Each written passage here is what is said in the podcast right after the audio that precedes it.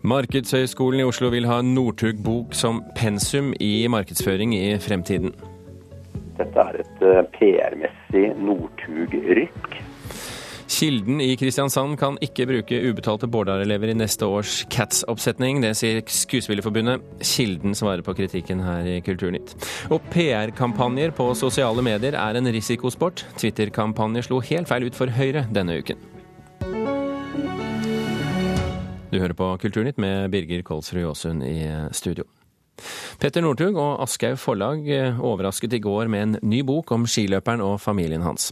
Informasjon som landets sportsredaksjoner har prøvd å grave frem i månedsvis, var plutselig tilgjengelig mellom to permer og nesten i alle bokhandler i landet. Nå kan det bli pensum for markedsføringsstudenter ved Markedshøgskolen i Oslo. Kundene på Ark-bokhandelen eh, på Grünerløkka i Oslo hadde riktignok delte meninger om eh, i hvert fall bokas omslag. Jo, det er et veldig Koselig. Koselig kommer. Det ser ut som han prøver å lure meg inn i det huset som jeg ikke vil inn i. Uten forvarsel kom boka om Northug til bokhandlenes hyller i går. Uh, jeg syns forskjellen er litt sånn merkelig, for jeg syns ikke Northug er så veldig tydelig. Men det er litt sånn med lykta, sånn så er liksom velkommen hjem og skal liksom være litt sånn hjemmekoselig. Skal liksom, jeg vet ikke, jeg, komme inn i hjertevarmen igjen. Det er et skritt inn i hjertevarmen, ifølge førstelektor i markedsføring Kjell Terje Ringdal. Lanseringen av boka til Petter Northug er et eh, klassisk eksempel på um, hvordan man håndterer en merkevare i krise. Og dette er så interessant at jeg um, vil legge opp dette her som en del av mitt pensum på Markedshøgskolen i retorikk, PR og billedanalyse. Ringdal beskriver boka som ren PR-strategi. Dette kan sammenlignes med det å holde på å drukne. Da vil de fleste svømme. Eh, for å, altså Man kjemper for livet, og det er jo det Northug eh, og hans team gjør her. Dette er jo ingen glorifiserende historie, det er jo mye heller en historie til advarsel. Det sier Kari Spjeldnes, som er forlagsdirektør i Aschehoug. Boka beskriver bl.a. omstendighetene rundt Northugs bilulykke 4. mai i år, og avslører at han hadde en promille på 1,65. Informasjon som mange journalister har vært ute etter, kommer nå fram i boka. Ringdal sier dette er Northug og teamets forsøk på å ta tilbake kontroll. Dette er et eh, PR-messig Northug-rykk, hvor han altså går fra konkurrentene, i dette tilfellet mediene. Fordelen med at det er boken nå som bringer eh, også opplysningene rundt 4. mai ut til offentligheten, er jo at man der får et bilde av hele historien. Nettopp for å unngå en glorifisering, og nettopp for å se hvor sterkt dette virket inn på eh, Petter Northug og hans nærmeste på en svært kritisk måte i eh, tiden etterpå. Spjeldnes avviser at boka er ren markedsføring. Dette er først og fremst en god historie som fortjener å bli fortalt, og ikke noe PR-stunt. Ekspert i presseetikk Gunnar Bodal Johansen sier at mediene må være ekstra bevisste på at boka kommer på tidspunktet den gjør. Boken har f.eks. at han ikke har kommet over det at han ikke ble tatt ut til OL i 2006. Hvis det blir den store saken, og andre store saker, eh, som, som på en måte tar hele oppmerksomheten vekk fra den straffesaken, eh, som kommer i forbindelse med at han har kjørt med alkoholpåvirket tilstand og har kjørt for fort, og vel også da har gjort andre elementer ved den saken som, som, som, som gjør saken alvorlig, så mener jeg at mediene er med på å bidra til å ufarliggjøre eller til å skyve hele den saken under teppet. Northugs PR-rik blir kanskje pensum på Markedshøgskolen, men foreløpig er det en bok for kundene hos landets bokhandler. Han var jo han kule, litt sånn morsomme, kjempeflinke skifyren som var litt sånn frekk i løypa og sånn, og det var veldig morsomt. Men så ble han litt sånn i overkant badass med den der fyllekjøringen, og det var veldig ukult. Jeg er jo trønder, så jeg det han er en toppkar, bortsett fra den promillekjøringa, selvfølgelig. Mm. Og reporter i bokhandelen, det var eh, Sira Nøsalp Gilderim. Kjell Lars Berge, professor i retorikk og tekstvitenskap ved Universitetet i eh, Oslo. Skal vi begynne med omslaget på boken først? Altså Northug foran våningshuset på gården på kvelden ikledd en pent strikket genser og med en fjøslykt i hånden. Hvordan tolker du det bildet? Du, Han tar imot. Han inviterer eh, oss inn til seg og til sin familie. Så når man blar og kommer på neste side, så sitter familien og tar imot, og det er juleselskap. Velkommen skal dere være. Hva forteller det om boken du har lest? Altså, Den har jo en undertittel som heter En familiehistorie, og på mange måter så handler boka om Northug-familien. Altså hvordan Northug er mulig gjennom den støtten han har fått gjennom familien, og gjennom den støtten familien representerer, i strid med alle andre. Så det er oss mot dem, det er Northug mot Røkla, liksom. mm. Er det en spennende historie forfatter Sverre M. Nyrønning har skrevet? Litt både òg. Altså, jeg tror nyredning på det at denne boka egentlig var ment å være en fortelling om Northug og familien hans. Og at det handler om det skimiljøet som den familien står i og sto i. Altså at det er noe med Nord-Trøndelag og Indre, Inderøya og miljøet der som, som mot, mot, resten av Norge, så å si. Men det er klart, så kom denne hendelsen med fyllekjøringa, og det har jo blitt helt nødvendig å gjøre til et viktig tema i, i boka. Så de i pressen som er veldig opptatt av det, og som tolker alt som står i boka for øvrig i lys av det, de på en måte feilleser litt, syns jeg. jeg synes I, I den grad de har lest den? Ja, i den grad de har lest den. Det kan man jo alltid lure på, faktisk. Men, eh, men jeg syns at eh, denne boka forteller en veldig interessant historie om hvordan eh, sterk vinnerinstinkt knyttet til veldig tradisjonelle familieverdier, sterk forankring i det lokale, på en måte, kan bringe fram ganske ekstreme idrettsfolk. altså for det, dette er jo et miljø som er forsvinnende lite i Norge. altså Folk som arbeider i, på gårdsbruk, som er bønder, liksom. Faren er senterpartipolitiker, han har sittet i bankstyret og sånn. Han er liksom ikke hvem som helst i bygda heller. Men det forteller liksom om et Norge vi har mista litt, da. ikke sant? Altså et Norge som fortsatt eksisterer, og som fortsatt produserer våre største helter, da. Det er noe av liksom, budskapet til Nyrenning, at her er det verdier som er viktig å ta vare på. Men, men, uavhengig av denne kollisjonen og behovet for krisehåndtering, så er det vel en bok også eh, om Northug-familiens merkevarebygging?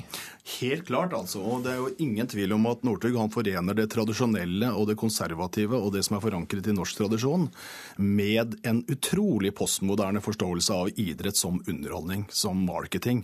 Altså, Northug er en helt atypisk norsk idrettsmann. Han gir blaffen, altså, i det moralske imperativ som veldig mange omgir idretten i Norge med. Han er en entertainer, og that's it, altså. Han syns det er kul å knuse konkurrentene på oppløpet. Han syns det er kjempegøy å feie over dem og, og vise svenskekongen fingeren. Og folk elsker jo dette. Altså, han har jo enormt med fans på internett. Og han hadde jo blitt megastjerne. altså Hadde det ikke vært for Northug, så hadde jo langrenn vært liksom nesten en søvndyssende opplevelse for de fleste i verden. Men pga. Northug så har vi fått en Muhammed Ali, vi har fått en Zlatan, vi har fått en konge liksom midt iblant oss. En internasjonal stjerne. Nå, nå er det jo eh, trukket frem også i avisene i dag at uh, dette uttaket til OL i Torino da, da Petter Northug var junior og ikke fikk være med, at det har skapt en veldig sterk bitterhet uh, i, i Northugs liv. Er denne boken også preget av en form for bitterhet mot Skiforbundet spesielt, og, og, og skimiljøet generelt? Nei, det syns jeg ikke. Altså, den historien handler om at det er en mann her, en gutt, da. Han var jo veldig ung når det skjedde, som har et enormt vinnerinstinkt. Han vil vinne, og han finner seg ikke å bli stoppa. Og det er en del av liksom Petter-myten som, som, som, bygges opp der. Og det er ikke bitterhet, altså. Og derav denne boken altså. også? Ja, derav denne boken også. Helt riktig. Kjellars Berge, takk for at du kom til Kulturnytt.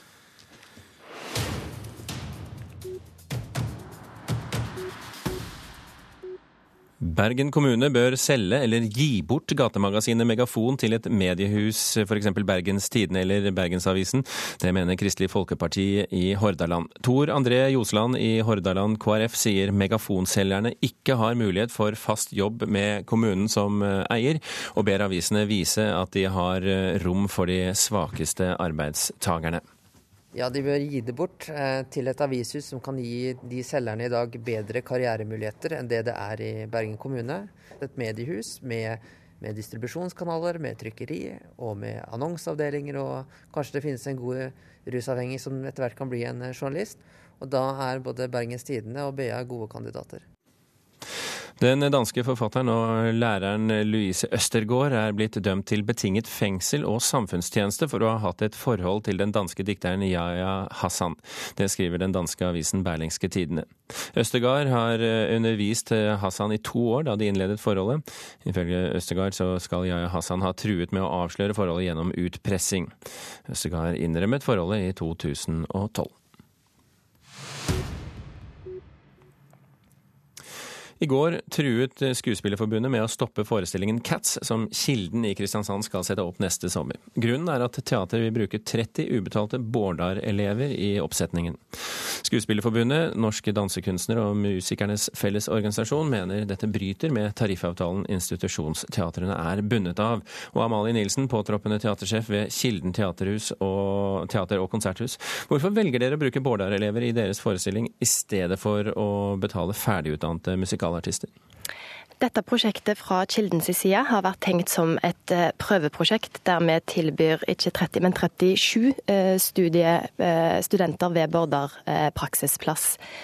Vi har fulgt de retningslinjene som ligger for bruk av praksisplasser, eller tilbud om praksisplasser. Eh, etter tvisten ved Det Norske Teatret i 2009 mellom MTO og eh, NODA og MFO ble det inngått en særavtale om hvordan dette skal gjøres. Og eh, Kilden har hele tida fulgt denne særavtalen i det forslaget vi har lagt fram til hvordan vi vil organisere dette prøveprosjektet eh, for tilbud om studieplasser. Så vi har hatt en åpen dialog med forbundene hele veien. Eh, vi ønsker ikke å gjøre noe som bryter med tariffavtalene, men vi ønsker å bruke eh, de mulighetene som ligger i å tilby gode praksisplasser, fordi vi mener at det er et viktig tilbud til utdanningen. Hauk Heyerdahl, forbundsleder i Norsk Skuespillerforbund. Hva er det som er galt med det Kilden gjør?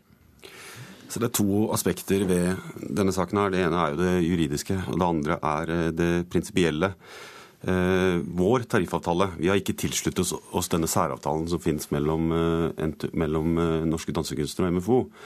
Eh, og vår tariffavtale den åpner ikke opp for eh, elevarbeid. Men det prinsipielle er, er, jo det viktige her. Eh, og grunnen til at vi løfter denne debatten inn nå, er jo, er jo nettopp dette. Og vi ser at altså underbetaling av skuespillere er et generelt problem. Og vi ser også en tiltagende tendens til at kulturinstitusjonene Eh, prøver å inngå denne type avtaler, samarbeidsavtaler med eh, da spesielt de private musikalutdanningene. Uh, og på den måten tilsnike seg, vil jeg si, uh, gratis arbeidskraft. Men tilsnikelse, altså de er enige med musikerne og de er enige med danserne. Er det skuespillerne her som bruker denne saken for å fremme en generell politisk sak? De er ikke enige med MFO og NODA. NODA og MFO og Skuespillerforbundet har sammen eh, sagt nei til denne søknaden fra Agder Teater om å bruke elever, fordi omfanget er for stort. Her er det snakk om da 37 eh, roller som skal besettes av ikke-betalte elever. Men det er en tolking av den eh, tariffavtalen, ikke sant? Ja, en, i, i, denne særavtalen eh, mellom da Musikernes Fellesorganisasjon og NODA, så, så står det at, eh, at eh, disse organisasjonene skal behandle fra, søknader om dette fra institusjonene. Og det er gjort, og vi har funnet ut at dette er for viktig for oss. Eh, derfor, eh, derfor avviser vi det. Mm, Amalie Nilsen, har dere simpelthen vært for grådige her? Eh, nei, det som undrer meg er at denne saken eh, Saksgangen undrer meg fordi vi har invitert til en åpen dialog. Vi har ikke inngått noen avtale med Bårdar. Eh, vi har invitert forbundene inn til alle ledd i prosessen. Vi har ikke konkludert ennå. Eh, vi har en akkurat lik avtale med Universitetet i Agder, som er blitt godkjent. Eh, vi har bedt om konkrete innspill på hva forbundene ønsker, hvordan forbundene ønsker at denne avtalen skal utformes, for at de sjøl skal mene at den er positiv. Eh, som vårt mål er som sagt praksisplasser. Vi ønsker å være en positiv samfunnsutvikler. Vi ønsker å gi praksisplasser til studenter. Og vi ønsker en god dialog med forbundene. Så Derfor overrasker det det meg litt at saken havner i media før vi en gang har funnet ut om vi er uenige. For vi ønsker på ingen måte en uthuling av arbeidsmarkedet. Vi ser at eh, det er veldig viktig at det er gode arbeidsvilkår for profesjonelle musikalartister. Det har Kilden absolutt stor interesse av. Vi er en viktig musikalscene. Vi har hyra mye musikalartister gjennom Evita, gjennom West Side Story, nå sist gjennom Le Miserable. Så det vi ønsker, det er en prinsipiell debatt rundt hvordan bruk eh, av praksisplasser skal organiseres. Og så ønsker vi konkrete forslag til hvordan forbundene ønsker at vi skal gjennomføre dette prøveprosjektet, som vi òg er blitt eh, oppfordra fra Kulturdepartementet om å gjennomføre. Har du konkrete forslag, Haug Herdal? Altså, først og fremst må jeg si at Kilden var veldig tidlig ute med å annonsere dette som sin storsatsing i 2015, før dette var avklart med eh, organisasjonene. Skuespillerbundet ønsker ikke å åpne opp for, eh, for, elevarbeid. Vi har tillatt det i enkelte tilfeller der det er snakk om ren statistvirksomhet, og der det også er eh, knyttet et pedagogisk opplegg til, til, eh, til prøveperioden. Men først og fremst så er vi jo kunstformidlere, og ikke en utdannelses, utdannelsesinstitusjoner. Ja, eh, Det er viktig for meg å si at vi har et veldig sterkt pedagogisk opplegg knytta til denne produksjonen, eller vårt forslag, som går over et helt år. Og vi har heller ikke noe ønske om å ta inn skuespillere. Det er kun dansere, sangere og musikalartister. Så Derfor er det òg forunderlig at det ikke er NODA og MFO som fronter denne debatten, fordi det er deres potensielle fremtidige medlemmer vi her er interessert i å tilby praksisplasser. Uansett så er vi nødt til å sette strek der. Amalie Nilsen fra Kilden og Hauk Heyerdahl fra Skuespillerforbundet, tusen hjertelig takk for at dere kom til Kulturnytt. Er snart, klokken er snart 19 minutter over åtte. Du hører på Kulturnytt, og dette er toppsakene i Dagsnytt nå. For første gang åpner Barack Obama for flyangrep mot den islamske staten også i Syria. Nav ønsker å skjerpe kravene. I Hedmark blir arbeidsledige forberedt på å ta de jobbene de blir tilbudt, og de sykemeldte skal raskere ut i arbeid. Og Oslo-politiet får skryt, har håndtert over 100 demonstrasjoner så langt i år uten vold. Denne uken fikk Høyre så hatten passet for Twitter-kampanjen med emneord 'glad for' på sosiale medier. Kampanjen slo kontra og ble nesten umiddelbart grundig latterliggjort istedenfor. Og det er ikke den første kampanjen på sosiale medier som har gått galt. Folk flest lar seg nemlig ikke bli med på hva som helst. Ja, jeg tror jeg deler ting jeg syns er viktig at andre ser, kanskje. Det må være morsomt. Det må jo være noe jeg er engasjert i, da, som jeg vil få fram. Tre ting jeg tror du må tenke på for å få en bra kampanje. Det er at den er gjennomtenkt. Christian Kamhaug er digitalrådgiver hos Gambit. Han jobber med å lage sosiale medier-kampanjer for bedrifter. Man må ha en plan for hvis det går gærent. Og det tredje er at du må, du må vite når du skal gi det. Fordi at hvis du fortsetter og fortsetter og fortsetter med en kampanje som ikke fungerer, så koster det ganske mye å gjøre det, og så blir det, du blir seende litt dum ut. Denne uken lanserte Høyre en kampanje på sosiale medier. Med emneordet 'glad for' skulle folk skrive hva de var glade for, nå som regjeringen har sittet i ett år. Men Høyre fikk kanskje en litt annen respons enn de hadde håpet på. Jeg er glad for at jernbanen blir rasert, privatisert. Not! Jeg er egentlig bare glad for at dere kun har tre år igjen på makten. Jeg er glad for at regjeringa setter skattelette høyere enn menneskeverd. Jeg er glad for at regjeringa finansierer min ekstra flaske taxfree-vin med å ta fra elevene skolefrukten. Jeg syns han er veldig dårlig gjennomført. Jørgen Helland er leder for digitalt fagområde i Brandlab. Dårlig idé i, i utgangspunktet, som de kunne vært eh, altså Hadde de gjort leksa si, så hadde de visst at dette her ikke kom til å Eller at det kunne slå veldig dårlig ut. Men eh, Høyre er ikke de eneste som har fått en annen respons enn forventet. New York-politiet med sin, sin My NYPD, hvor folk ble bedt om å å dele bilder av seg med politimenn, og endte opp med å få bilder av sånn, politivold og brutalitet og køller og pistoler istedenfor den koselige, koselige, joviale New York-politimannen. Men noen kampanjer fungerer veldig godt. En sånn fin eh, kampanje som gikk viralt veldig fort, eh, som er et godt eksempel på en sånn at vi vil dele ting som får oss til å føle noe. da. Det var denne kampanjen som SOS Barnebyer gjorde nå i vinter, hvor de hadde filmet med skjult kamera en gutt som sitter på bussholdeplassen og har mista jakka si. Har du ikke jakke? Nei, noen har stjålet den. Og ser liksom at, at uh, folk vil gi han jak sin jakke eller gi han et par, par, votter eller gi han noe for å holde seg varm. da. Oh, tusen takk. Jeg får gåsehud bare, bare som tenker på den, for at, uh, den, den, traff veldig den, en god nærme. Jeg deler ikke så mye, men jeg delte en gang sånn om en person som hadde vært savnet lenge. da. Så seriøs sak, i hvert fall. Eh, det må være virkelig noe jeg står for, da. Eh, noe jeg brenner for. Eh, stopp våpensalg til Israel, f.eks. Det delte jeg på Facebook, og jeg hadde ikke dårlig samvittighet eller var redd for å miste venner på Facebook av den grunn, liksom. NRK har selvfølgelig vært i kontakt med Høyre, men de hadde ikke mulighet til å kommentere denne saken til oss i dag. Reporter her, det var Heidi Rønneid. I morgen er det premiere på den norske humorfilmen 'Jakten på Berlusconi'. Historien foregår i den kriminelle skyggesiden av travmiljøet, der juks og bedrag skal sikre kjempegevinsten. Eller humorfilm. Filmtittelen er det morsomste, mener vår anmelder. Dette er et bilde fra jakten på Berlusconi før jakten begynner. Kan du gå bort til vinduet og se ut? Ja. Ja?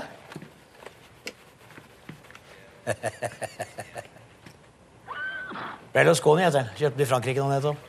En av Europas topp fem, Bjarte. Berlusconi er en hest. Bjørn Floberg er slesk stalleier, og Edvard Skjoldtheis er kusken som var noe en gang. Altså, Bjarte, toppkusker har ikke kulemage. Maga til toppkusker, Bjarte, er flat. Den er ikke rund.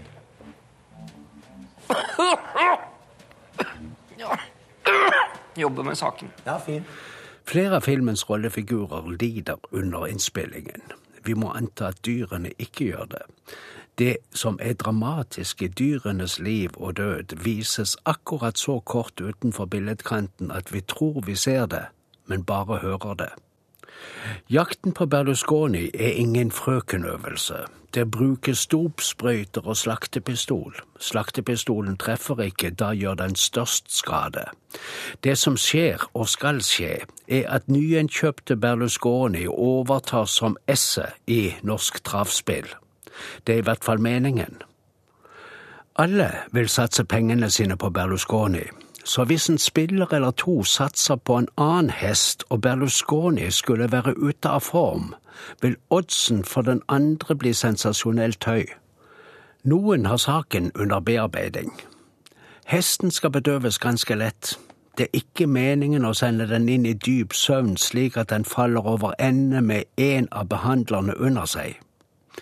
En liten kjeltringstrek blir til en stor forbrytelse. Hesten må kidnappes. Deretter kommer jakten på Berlusconi. Filmtittelen er det morsomste. Det er noe morsomt i situasjonene også av og til, med trykk på noe og av og til. Noen verbale formuleringer er morsomme, andre er pinlige, de fleste et sted midt imellom. Vet du hva dette er for noe? Sykkelpumpe, eller? Bjørn Floberg har spilt badboy i det meste av sitt filmliv. Her er han i sin presise typecast. Flott. Jon Øygarden er en fascinerende banditt. Kusken er Edvard Skjoldtheis. Han har den største rollen og fortjener den. Hege Skøyen har den minste, men hun gjør sterkest inntrykk som frue med ansiktsløfting. Hun kan hyle, men de stramme kinnene tåler ikke mye snakk.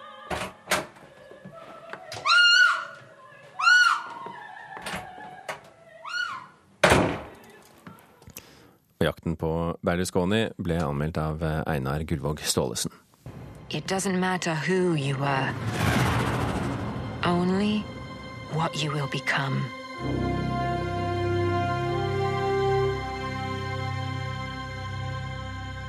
Rated T for teen. Dette er lyd fra spillet Destiny, som ble lansert tirsdag denne uken. Eh, Da hadde spillet allerede rukket å bli spilt av over fem millioner mennesker. Nettspill, YouTube og sosiale medier har helt endret måten verdens største underholdningsindustri markedsfører seg på. Og spillanmelder i NRK Filmpolitiet Rune Haakonsen, eh, det har vært veldig store forventninger til dette spillet. Står, det for, eh, står, står lanseringen til forventningene, eller er det hypa? I likhet med skal vi si, forhåndsomtalen, som har vært veldig drevet av eh, et stort markedsføringsbudsjett, så er overflaten eh, i Destiny veldig pen. Og den spillverden de har bygd opp, er eksepsjonelt eh, gjennom gjennomarbeida, men bak denne fasaden så, så, så, oppdager man også manglene og kanskje de tingene som spillutviklerne ikke har vært så ivrige til å snakke om tidligere. La oss snakke om det litt senere. Fortell oss først, hva er Destiny? Destiny er et skytespill satt i en science fiction-setting hvor du som spiller får rollen som universets eh, redningsmann. En ikke helt ukjent eh, variant man møter i, i spillverden. Eh, det som er litt nytt, er at man tar det klassiske skytespill, førstepersonsperspektivet, og legger til trekk fra såkalte MMO-spill, hvor tusenvis av spillere kan da delta i samme verden, samarbeide og uh, da dele historien inne i dette store spillet. Så Det er nok de, de, de, det enkleste måten å forklare hva, hva, Destiny er på. Kan du si noe om hvorfor det har blitt så populært? Eh, her er det da en av verdens største spillutgivere som står bak. De har eh, pumpa mange millioner inn i promoteringen av spillet, men så har de også tatt i bruk en god del nye, uh, nye metoder. Nettopp det å gi spillere tilgang i forkant av selve lanseringen. Det ville vært som å på en måte vise filmen før den kom på kino for å skape mer prat om den på sosiale medier. Og da ikke minst også uh, på YouTube, hvor mange spillere legger ut video av spill de spiller, og, og promoterer det på vegne av, av spillutgiverne. Og det, det, her har vært en eksepsjonelt suksessrik promoteringsperiode, uh, men nå ser vi jo nå som spillet har kommet at det kanskje ikke lever opp til de, de høye forventningene som, som, som, mange har fått, rett og slett. Ja, Du snakker om feil og mangler. Hvilke feil og mangler er dette? Uh, det er nok ikke i selve skal vi si, det tekniske, for det er veldig polert. Det ser pent ut. Det er også ute til de nye spillkonsollene PlayStation 4 og Xbox One, så grafikk grafikken er jo pen, men eh, bak dette, denne fasaden så er ikke historien så veldig godt skrevet. Den er ikke engasjerende for, eh, for, for enkeltspillerne. Og, og, og, nok der ligger uh, hovedproblemet i Destiny, er at historien ikke lever opp til, og historiefortellingen ikke lever opp til det visuelle eh, og det spektakulære som spillet legger opp til. Senere i dag eh, legger du ut en anmeldelse på nrk.no hvor du går litt dypere inn i dette her. Men hvis du skal prøve deg på en uh, konklusjon når du snakker til spillerne, hva, hva vil den være? Det er en, en, spillverden som er verdt å utforske, en spillverden som er veldig givende å gå inn i. Hvis man, og da i tillegg syns at det å spille mot andre spillere over nett høres ut som en, som en spennende utfordring, så, så, er det å anbefale. Men eh, for de som ønsker en dyp historie som engasjerer over tid, så finnes det nok andre alternativer. Spillanmelder i NRK Filmpoliti Rune Håkonsen, takk for at du var med oss fra Trondheim i dag. I denne sendingen har du hørt at Markedshøgskolen vurderer Northug-boka som pensum. Vår anmelder mener boken først og fremst er en familiehistorie om familien Northug mot røkla. Kilden i Kristiansand kan ikke bruke ubetalte Bårdar-elever, fortalte vi, i neste års Cats-oppsetning. Det mente i hvert fall Skuespillerforbundet som var på besøk her. Hans Ole Humlevold, Ann Irén Finstad og Birger Kolsrud Aasund takker for følget så langt. Hør flere podkaster på nrk.no podkast.